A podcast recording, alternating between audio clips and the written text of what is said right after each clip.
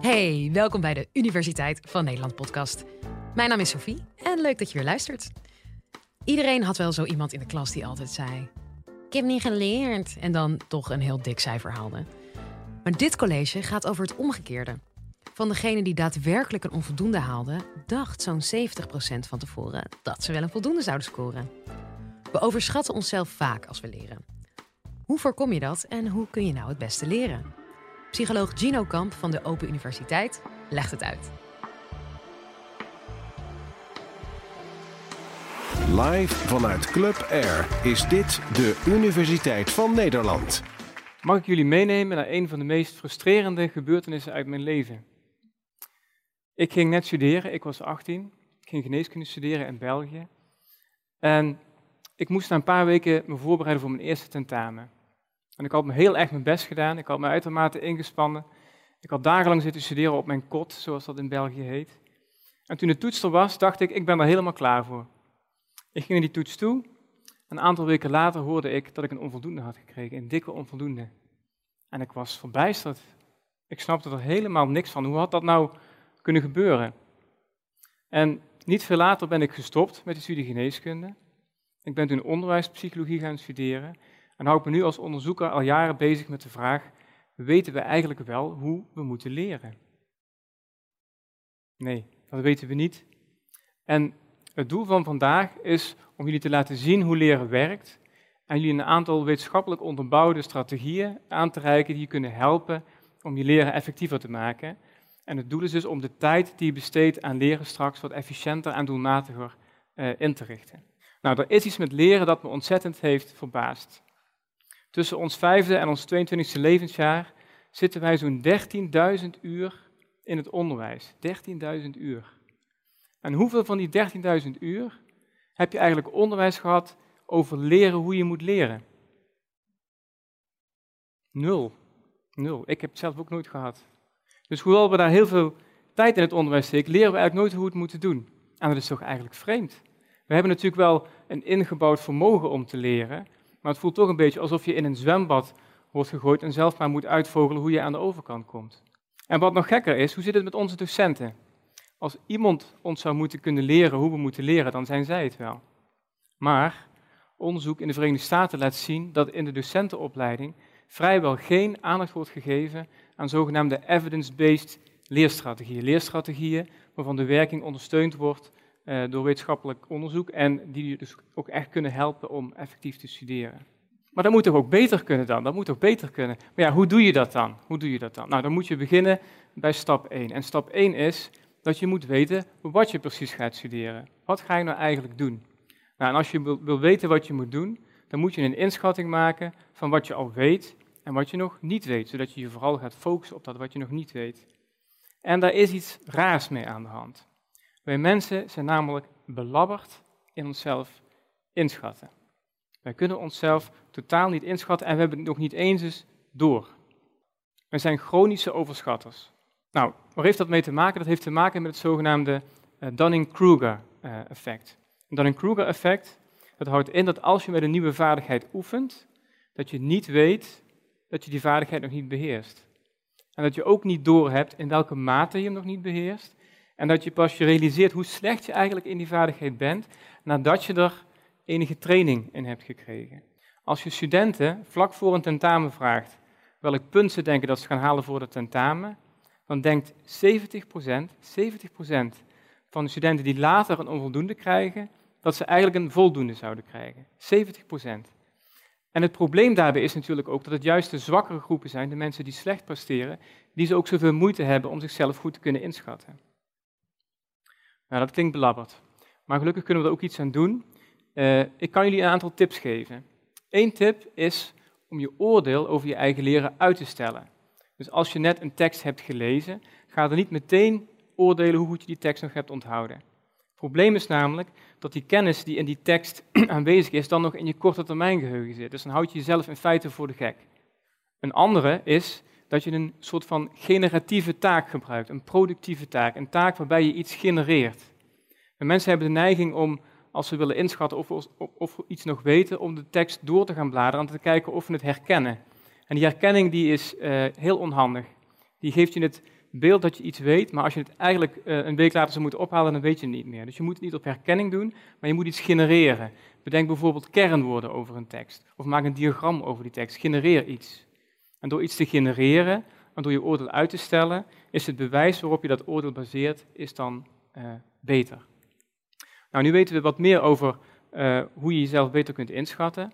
En nou is de volgende vraag natuurlijk, hoe krijg je dan die kennis efficiënt in je hoofd? Nou, dat is wat ingewikkelder dan het lijkt. Veel van ons hedendaags onderwijs is gebaseerd op de metafoor van de blanke lei, de tabula rasa in het Latijn. En het houdt eigenlijk in dat als je in het onderwijs komt, als leerling of als student, dat je een lege emmer bent en dat die lege emmer wordt gevuld met informatie door je docent. Dat is de basis van ons hedendaags onderwijs.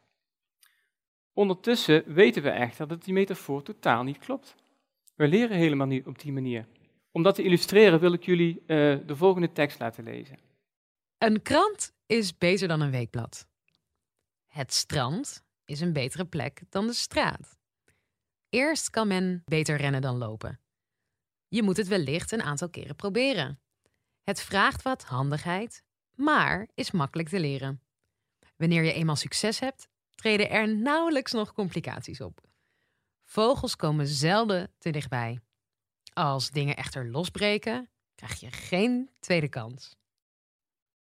Dan tellen we even rustig af van 10 tot 1. 10, 9, 8, 7, 6, 5, 4, 3, 2, 1. Nou, nou zijn jullie kort mijn geheugen hopelijk een beetje leeg.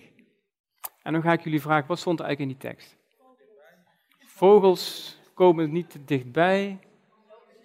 Lopen is beter dan rennen. Ja, dus goed, er, komen wat gefragmenteerde zinnen komen bij je boven, maar de samenhang ontbreekt totaal.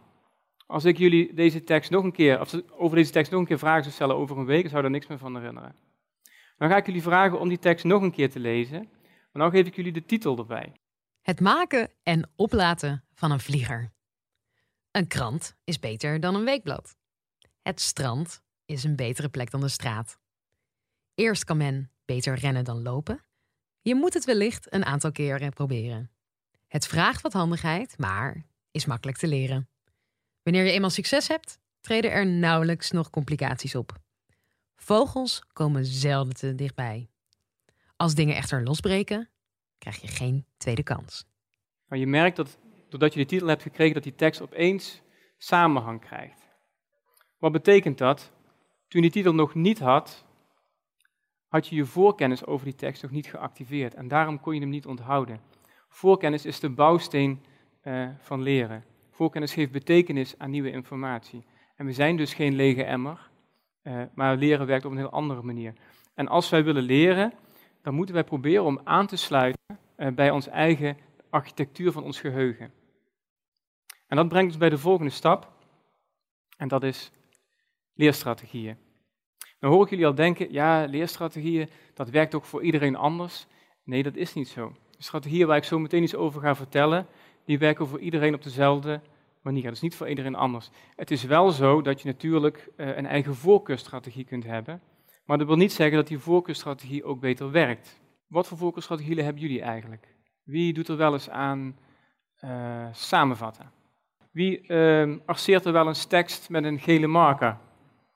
Wie leest de stof wel eens door, nog een keer door, als hij hem één keer heeft gelezen? Nou, laat dat nou net de strategieën zijn die niet effectief zijn. En dit is bizar, hè? dit is bizar. Dus de hele wereld uh, gebruikt deze strategieën intensief.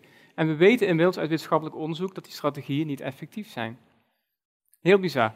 Nou, hoe is dat onderzocht? Uh, bijvoorbeeld in het geval van arceren uh, lieten onderzoekers mensen een tekst zelf arceren. Of ze moesten kijken naar de gearceerde tekst die anderen hadden gearceerd. Of helemaal niks, moesten de tekst gewoon zelf doorlezen. En wat bleek? Maakt helemaal niet uit. Of je nou arceert, of je nou iemand anders een gearceerde tekst ziet, of je nou helemaal niks doet, het maakt niet uit. En dat is niet in één studie onderzocht, in meerdere studies met verschillende materialen, verschillende doelgroepen. Consequent komt daaruit dat arceren eigenlijk niks doet. En toch uh, gebruiken we het allemaal. Nou, dan samenvatten. Uh, voor samenvatten, samenvatten geldt een iets genuanceerder verhaal.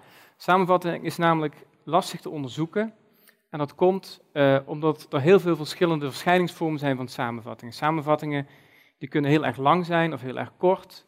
Die kunnen over een grote hoeveelheid tekst gaan, over een kleine hoeveelheid tekst. En er zijn vooral ook heel veel verschillen in de kwaliteit van de samenvatting. Samenvatten is een vaardigheid die heel moeilijk te leren is, waar we van nature niet goed in zijn. Je kunt samenvatten wel leren als je daar heel intensieve trainingen krijgt op de middelbare school, maar dat doet natuurlijk lang niet, uh, lang niet iedereen. En daarom wordt samenvatten in het algemeen wel gezien als een minder effectieve strategie. Nou, nu weten we wat niet werkt, maar jullie natuurlijk ook vast weten wat werkt dan wel. Nou, welke strategieën uh, zijn wel effectief? Ik ga jullie uh, twee strategieën laten zien die allebei afkomstig zijn uit de geheugenpsychologie, uit laboratoriumonderzoeken.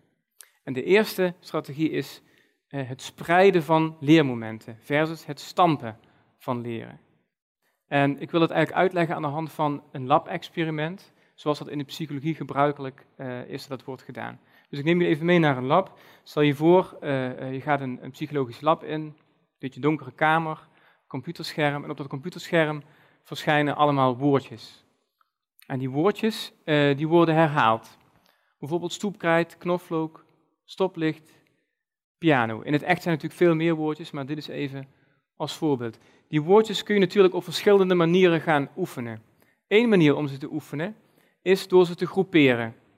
Drie keer stoepkrijt, drie keer knoflook, drie keer stoplicht en drie keer piano. Een andere manier is om de oefening van die woordjes te spreiden.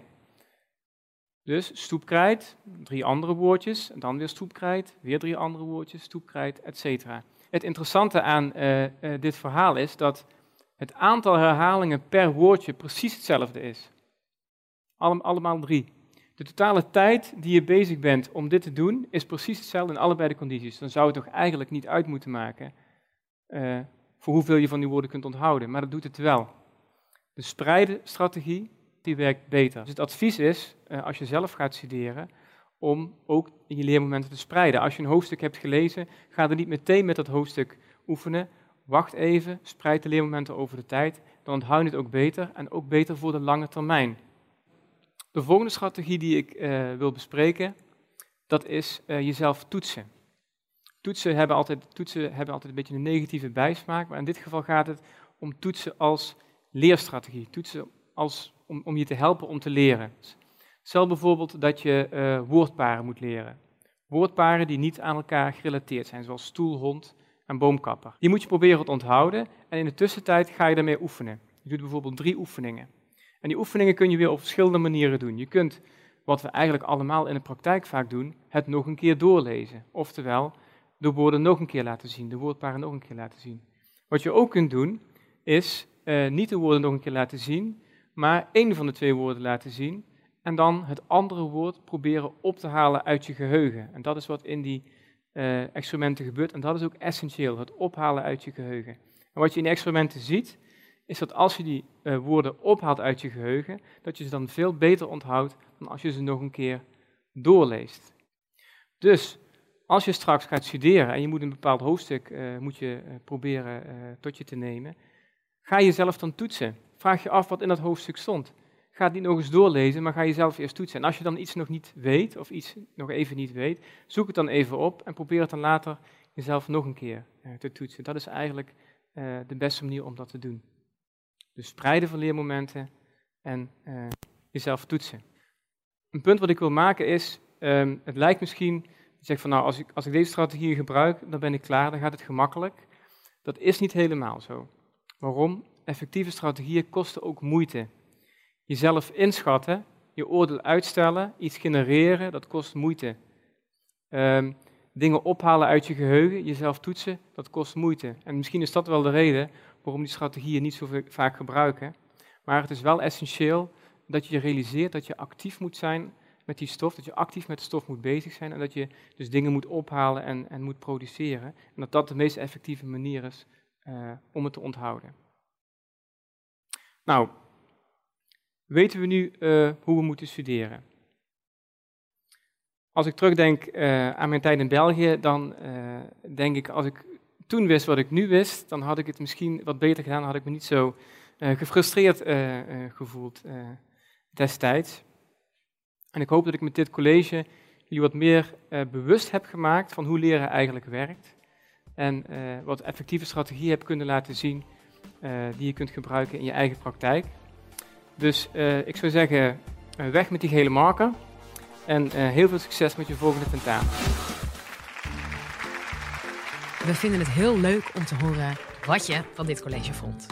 Laat het ons weten via je podcast-app. Volgende keer hebben we het met hoogleraar terrorisme Beatrice de Graaf over het dunne lijntje tussen nationale helden en terroristen. Mijn naam is Sophie Frankemolen. Tot horens!